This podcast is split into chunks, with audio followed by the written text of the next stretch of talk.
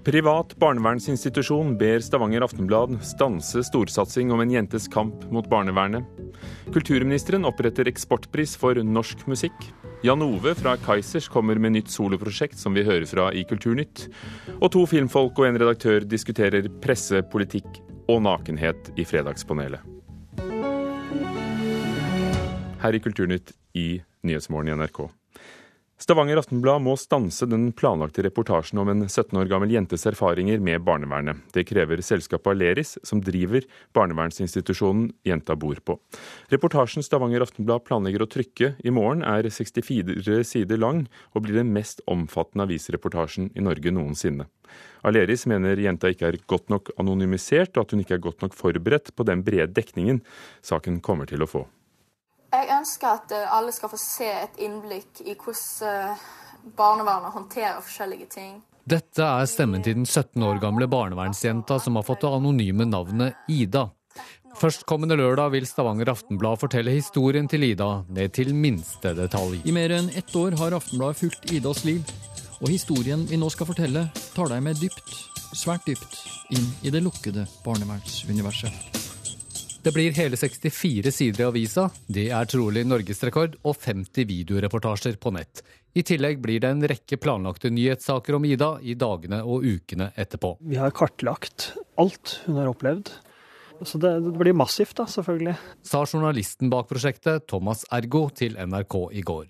Men blir det kanskje for massivt? Ja, mener barnevernsinstitusjonen der jenta bor i dag. Selv om hun har hatt gode rådgivere her, så er det ikke sikkert at hun er helt i stand til å skjønne hvor stort dette kommer til å bli. Eh, altså, det er ingen som kan vite hvordan jenta vil tenke rundt dette om fem eller ti år. Det sier Svein Roseland, som er direktør i Aleris barnevern. I et brev NRK har fått tilgang til, skriver Aleris til Stavanger Aftenblad at jenta er negativt preget av at saken er på vei, og at saken er blitt altfor detaljrik og omfattende til at den kan trykkes som den er. Vi ønsker at Stavanger Aftenblad skal stoppe saken. Hvis ikke, så må detaljnivået eh, reduseres, og saken må gjøres mindre omfattende. Redaktør Tarald Aano i Stavanger Aftenblad er ikke enig i at 64 sider på lørdag og 50 videoreportasjer om jenta er for mye. Ofte så har vi i pressen fått uh, anklager på at vi er for overfladiske og ikke går grundig nok inn i denne type saker fra områder i samfunnet som er taushetsbelagt i stor grad. Derfor har vi valgt å gå skikkelig grundig til verks når vi får anledning til det. Med det formål å få til en opplyst og bedre debatt, og i dette tilfellet om barnevernet, enn vi veldig ofte ser. Ja, Men det er ingen som sier at saken ikke er viktig. Bekymringen går jo på at det blir for mye og for detaljrikt for en 17 år gammel jente. Ja, men jeg tror kanskje at folk skal lese den før de tar og gjør den, uh, altså gjør seg opp en mening om det.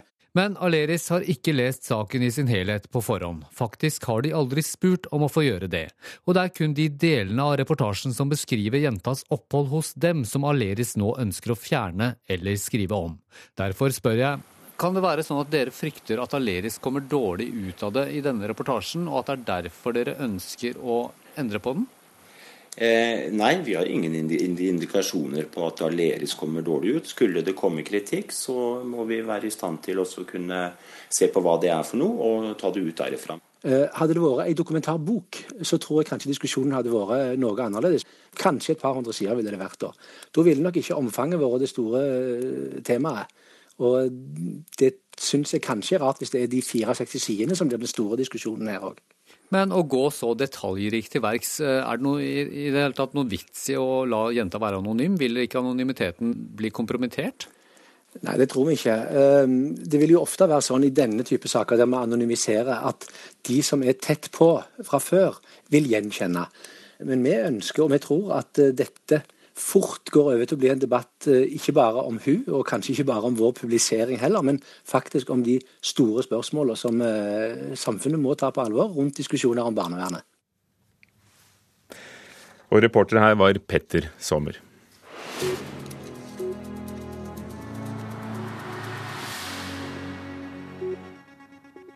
Lambda, huset som skal huse det nye Munch-museet i Bjørvika, får et nytt navn før det endelig står ferdig. Det skriver Klassekampen i dag. Navnet Lambda, som blir gitt av de spanske arkitektene, er så sterkt assosiert med alt bråket rundt museet at det ikke er aktuelt å bruke det på huset, ifølge direktør for Munch-museet Stein Olav Henriksen. Hva det nye navnet på bygningen blir, er ennå ikke kjent. Det kan jo være Munch-museet, f.eks.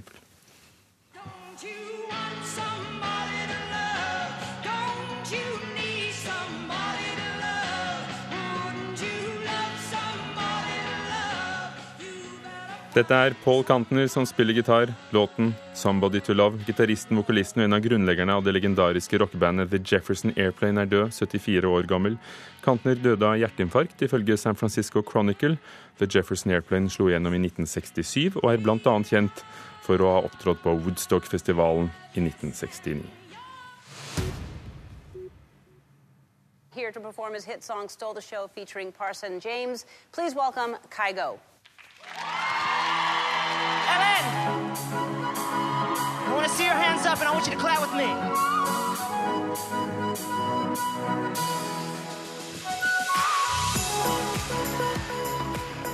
Dette er Kygo, en av de største norske musikkeksportartiklene for tiden. Og et nytt eksportstipend for norsk musikk kommer til våren. I morgen blir det kunngjort, og kulturminister Linda Hofstad Helleland fra Høyre, hvorfor ville du bevilge 100 000 kroner til dette stipendet? Jeg syns at det er viktig at vi skal bidra til å, å, fremme det som Norge har å være stolt av, nemlig at uh, hele verden bør få oppdage mer av våre artister og flere av uh, våre låtskrivere. Og jeg håper at jeg kan bidra til at norsk musikk kan bli en enda sterkere eksportvare i tida framover, og det håper jeg dette stipendet vil bidra til. Du kommer til å kunngjøre det i morgen under Spellemann. Det vil si, det blir jo gjort akkurat nå her i Kulturnytt. Og så er det Spellemann og Music Export Norway som står for dette stipendet. Hvem skal få det? Jeg skal faktisk kunngjøre det i dag, når jeg skal på konferansen til Music Export eh, Norway. Eh, og det ser jeg veldig fram til. Og dette stipendet skal deles ut i forbindelse med en pris. Men stipendet skal faktisk eh, gå til eh, ikke eh, selve artisten, men mottakeren skal gi beløpet videre til en viktig kilde som har bidratt til og gitt muligheten til å motivere prisvinnerne.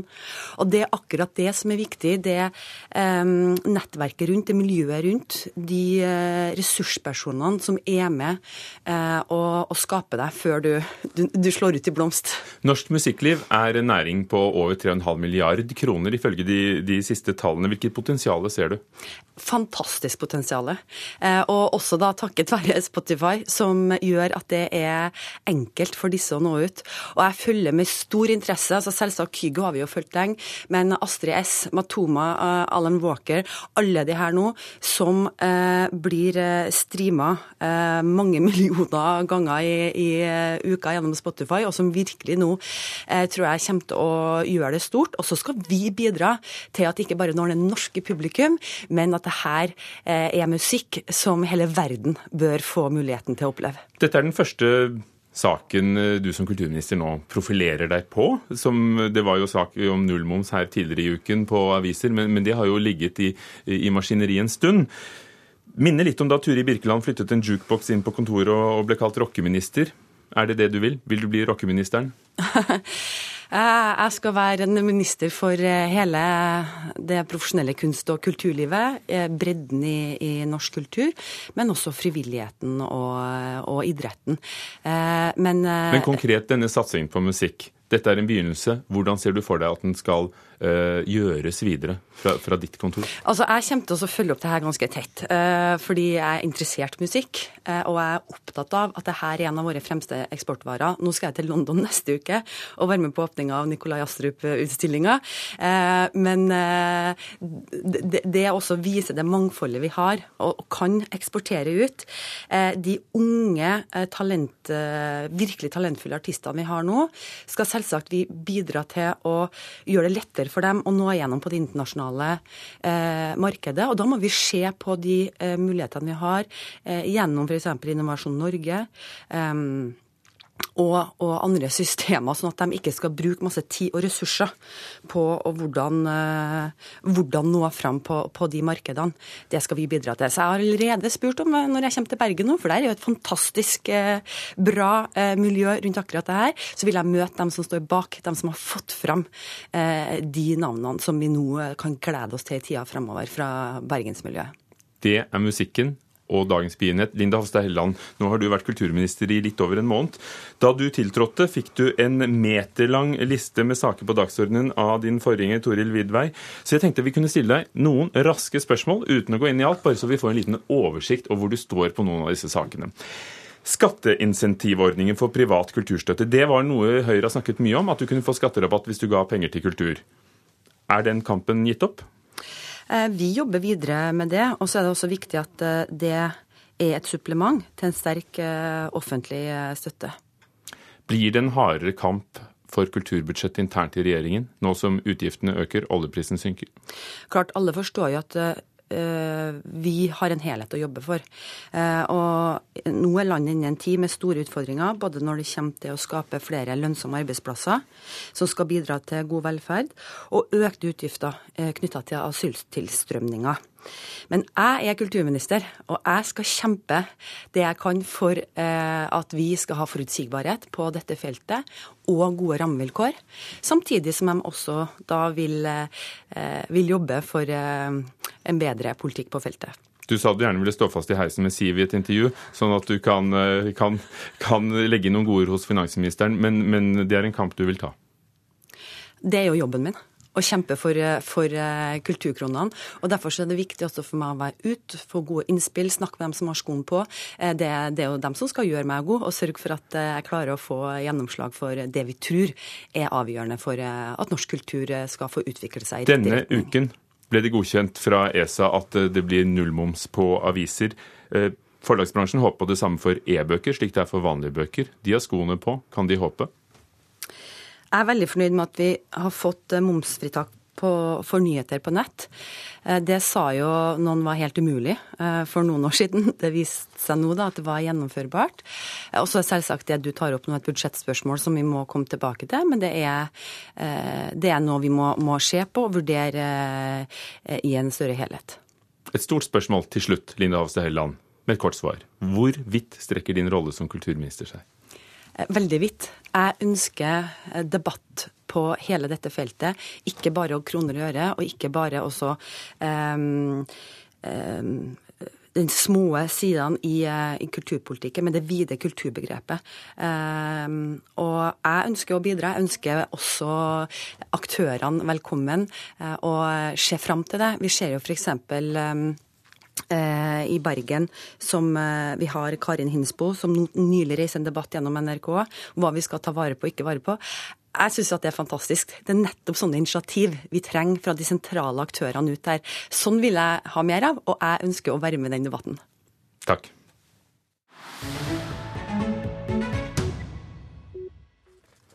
Fortsatt skal det handle om musikk, over to år etter at Kaizers Orchestra la opp er gruppens frontfigur og låtskriver Jan Ove Ottosen tilbake som soloartist. Nå handler det ikke lenger om krig og mafia, men om ballett og kjærlighet, inspirert av den berømte, verdensberømte, tidenes kanskje mest berømte danser Rudolf Nurejev. I morgen opptrer Jan Ove Ottosen på Spellemannshowet i Oslo. Det var vel kanskje litt finere det, var ikke det? Jan Ove Ottesen hjelper til med scenedekoren til sin nye musikkvideo som spilles inn i det gamle konserthuset i Stavanger. Designstilen på scenen er hvit og ren, og det eneste som minner om Kaizers, er en stor sommerfugl i gull på bakveggen. For det, det er meg. Det kan jeg ikke ta vekk. Så det vil bli sommerfugler. Musikken ligner enda mer på den musikken som jeg sjøl hører på. Mye rap R&B. Drøyt to år etter at Kaizers Orchestra spilte sine storslåtte avskjedskonserter, er frontfiguren og låtskriveren i det populære rockebandet tilbake i musikkmanesjen, nå som soloartist.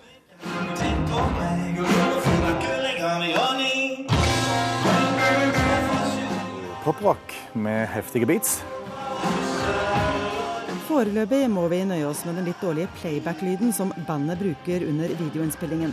Regnbuen treffer oss ikke lenger skal nemlig ha premiere på Spellemannshowet i Oslo Spektrum, som sendes på NRK lørdag. Teksten er jo bare en eh, scene i eh, en større fortelling.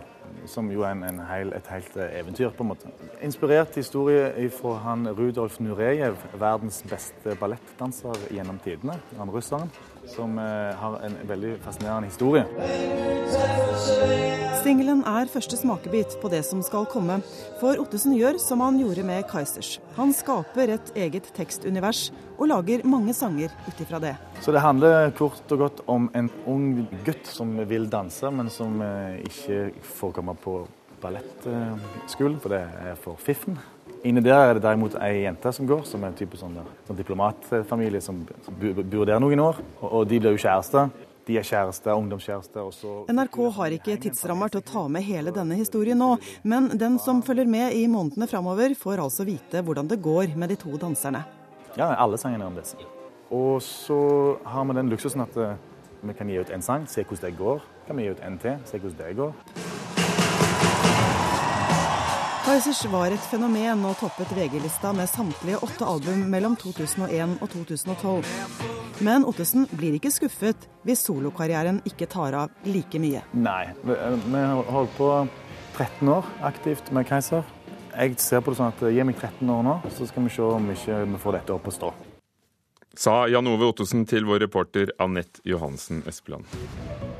Straks ti på halv ni du hører på Nyhetsmorgen i NRK med følgende overskrifter. Regjeringen endrer reglene for permitterte. Nå skal de kunne ta utdanning mens de mottar dagpenger. Direktoratet for samfunnssikkerhet og beredskap ber folk forberede seg på det varslede ekstremværet Tor. Det er varslet kraftig vind i ni fylker fra Trøndelag og sørover. Her i Kulturnytt er Fredagspanelet samlet. Anna Katarina von Matre, medredaktør av tidsskriftet Minerma, god morgen. Hei. Bent Eriksen, snart konstituert leder for Filmfond Nord. Hei. Og filmregissør Ulrik Imtias Rolfsen, god morgen. God morgen. Denne uken møtte norsk presse også NRK og Facebook for å snakke om Instant Articles, og det var sjefene som møtte sjefene i London. Denne Instant Articles er en metode der eh, media selv kan publisere rett på Facebook uten at artiklene først ligger på deres egne nettsider. Dagbladet er jo ifølge slagordet alltid foran, og skal selvfølgelig prøve dette. Bør alle norske aviser og mediehus gjøre som dem? Nei. Nei. Uh, ja. Fordi? Nei, jeg vet ikke om jeg mener egentlig. Men jeg tenker at det er viktig å følge med i tiden. Dette er jo et spørsmål, et dilemma mellom det å nå mange og å følge med i tiden mot dette med uh, redaksjonelt ansvar og sensur. Og jeg tror at man er nødt til å prøve det ut, så at noen aviser gjør det, for så å ta stilling til hvordan det gikk. Altså, Diskusjonen går jo på hvor går grensen for ytringsfrihet. Jeg tenker hvor går grensen for Facebook? Interessant å teste ut.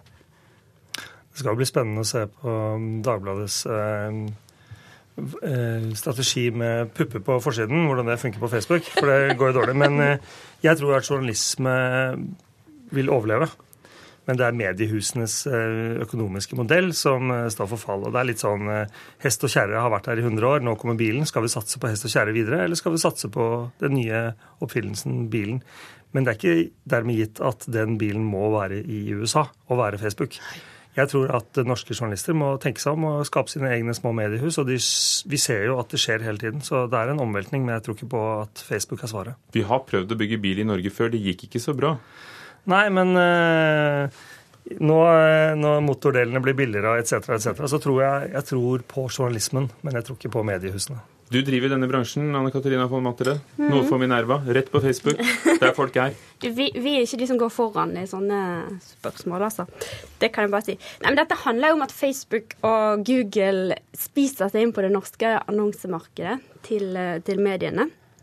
Um, og så ser mediene en gyllen mulighet til å ta tilbake noen av disse annonsepengene. For de, de vil jo få en del av dealen, da de annonsene som, som Facebook selger når de, når de, legger ut innholdet sitt. Så jeg skjønner på en måte at det er fristende, og, og spesielt for Dagbladet, som, som, kanskje har tapt den kampen i annonsemarkedet, å gå inn på, eh, på Facebooks premisser, men de gir opp de slipper også Facebook på en måte inn i redaksjonen, fordi de har det siste ordet da, på hva som blir lagt ut. og Det syns jeg er veldig veldig uheldig. For Bente Eriksen, Vi trenger jo ikke teste så mye mer hvor Facebooks grense går. Vi vet jo at den går uh, lenge før uh, statuen av havfruen i København. Den går også før uh, NRKs pubertetsserie med seksualopplysning. Så, så, vi vet jo hva de tåler og ikke tåler. Ja, men da kan man få en slags kompakt majoritet mot dem, da, som gjør at de kanskje må øke sine grenser. Og det tenker jeg kunne være bra. Men jeg er ikke uenig i det dere sier, det vet dere. en som uh, har noen grenser som uh, i hvert fall blir satt til italienske myndigheter når det gjelder nettopp det med nakenhet, er Irans president Rouhani. For da italienske myndigheter skulle ta ham imot og paradere ham rundt på Kapotelinhøyden i Roma, så dekket de til statuer av nakne mennesker og guder, en Venus fra år 200 før Kristus, i sånne hvite trekasser. Så har det vært en ordentlig oppvask. Alle skylder på alle. Statsministeren sier at det var ikke oss. Rouhani sa at det var ikke Iran som ba om det.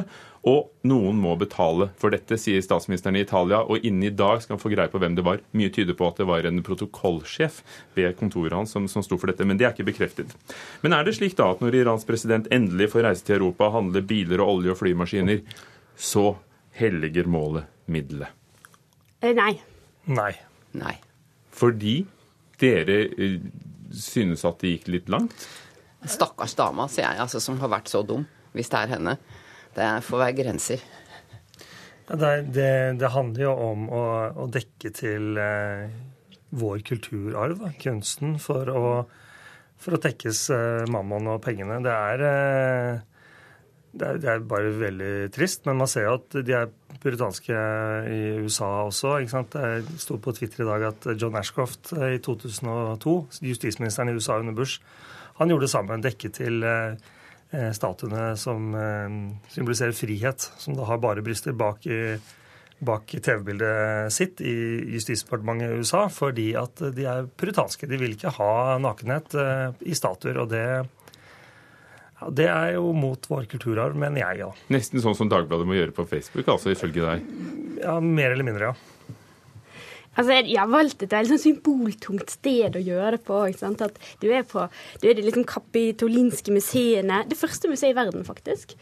Og eh, dekker til på en måte sivilisasjonens opprinnelse. Det, det, det, er veldig sånn sterkt signal om at da er man ikke så veldig stolt av den kulturen. Eh, og det oppfattes det er, så, ja, det, det, det er veldig veldig klønete hvis det er denne stakkars eh, protokollføreren.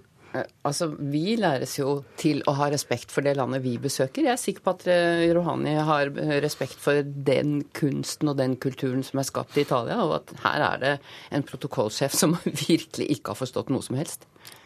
Det som er morsomt, er at eh, den franske presidenten nektet å gi opp ja. eh, og eh, der kunne vi lese i går at eh, det møtet hadde gått veldig, veldig bra. For de møttes jo tross alt.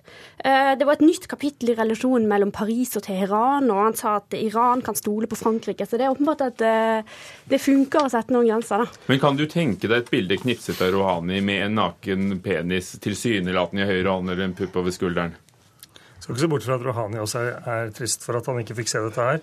Eh, men ja, det kan jeg se for meg. Det, det syns jeg hadde vært bra. Det er kunst det er snakk om. Men når det gjelder de, de, bildene, og sånne ting, det har de kontroll på. At ikke pressen får ta bilder akkurat der og sånn. Så det, det, er jeg ikke redd for. Det, det, symbolet som det sies her, at man på en måte ikke er stolt over vår egen kultur, er det det også handler om. At man så At man går i knefall, rett og slett. Apropos kunst, jeg har forresten hørt at de har palasser i Roma hvor statuene fra ikke er nakne i utgangspunktet, som de kunne valgt. Ja. Men apropos kunst, den kinesiske kunstneren Ai Weiwei, verdensberømt, han også trekker alle sine kunstverk i protest fra Danmark eh, fordi eh, landet strammet kraftig inn i asylpolitikken denne uken. I København har de stengt en utstilling, museet i Århus, der det henger en tolv meter lang bambusskulptur som forestiller en keiser fra Han-dynastiet. Den henger der ennå. Ai Weiwei vil ha den fjernet. Bør andre kunstnere følge Ai Weiwei? Ja. Nei. Du tror det funker? Jeg tror det funker. Jeg tror at både kunstnere og folket for så vidt må protestere når politikere gjør vedtak som vi ikke er enig i. Vi får de politikerne vi fortjener. Eh, Danmark har de valgt disse politikerne, så er de plutselig verken de folket eller AIV særlig begeistret for de beslutningene som er tatt, og da nytter det å protestere. Ja, jeg eh, savner jo politisk eh, kunst eh, på generelt grunnlag. og syns det er fint at en kunstner står for det han sier. Det er åpenbart noe som gir ham personlig tap, antageligvis. Men han, han mener det han sier, og det er litt sånn deilig paradoksalt da, at en kinesisk kunstner skal lære oss om ytringsfrihet og sånne ting her. Ehm, jeg syns det er fint at Ai Weiwei følger sin uh, sosiale samvittighet og, og sier uh, ifra når han syns at, uh, at, han er uenig. Uh, men jeg syns ikke det er grunn til å oppfordre andre kunstnere til å gjøre det samme. Nå nøler museet i Århus, og, og, sjefen der, norske Erlend Høiersten, som var sjef i Bergen en god stund, sier jo at dette er jo det frirommet vi har i Europa til å uttrykke oss. hvorfor vil han straffe publikum når det er myndighetene som er skyteskiven? Ja, Myndighetene eh, merker jo at uh, dette er liksom, Du kan si at vi, vi har jo boikott av alle mulige land hele tiden. og Vi driver med kulturell boikott. Vi gjorde det med Sør-Afrika osv.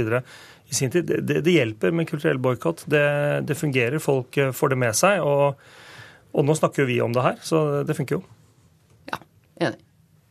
Nei, det funker jo ikke. Det vil jo ikke ha noe å si at han har stengt den utstillingen. Det er kanskje en av de beste motargumentene, syns jeg. De hadde jo, eh, de snakket om Sør-Afrika, så var jo det en av de sterkeste tingene de, de opplevde der nede, var jo den kulturelle boikotten. At, eh, at, de store artistene ikke ville komme og spille, at de følte seg isolert. Fordi at du ikke får delta i populærkulturen, det, det kjennes på folket. Eh, og da, da blir det et stemningsskifte. Så jeg tror absolutt på det. Men er det ikke nettopp kunsten som er frirommet, ofte opposisjonen til Men, myndigheter? Som Ulrik sier også, det er jo fint at AUF har faktisk mulighet til å protestere, hvilket han jo ikke har i Kina. Så det er en helt annen sak. Men nei, jeg syns det er viktig at kunstnerne går foran. Så din oppfordring til museet i Århus er det å la den henge, eller at de faktisk skal trosse viljen? Bli, nei, jeg syns Ai Weiweis vilje skal være den utslagsgivende. Takk skal dere ha. Fredagspanel som i dag besto av Bente Eriksen, Anne Katarina von Matre og Ulrik Imtias Rolsen. Dette er Kulturnytt i eh, Nyhetsmorgen, hvor vi har hørt at en privat barnevernsinstitusjon ber Stavanger Aftenblad stanse storsatsingen om en jentes kamp mot barnevernet, som skal fylle hele avisens første del i morgen. Gjermund Jappé var produsent, Ugo Fermarello programleder. Klokken er straks halv ni.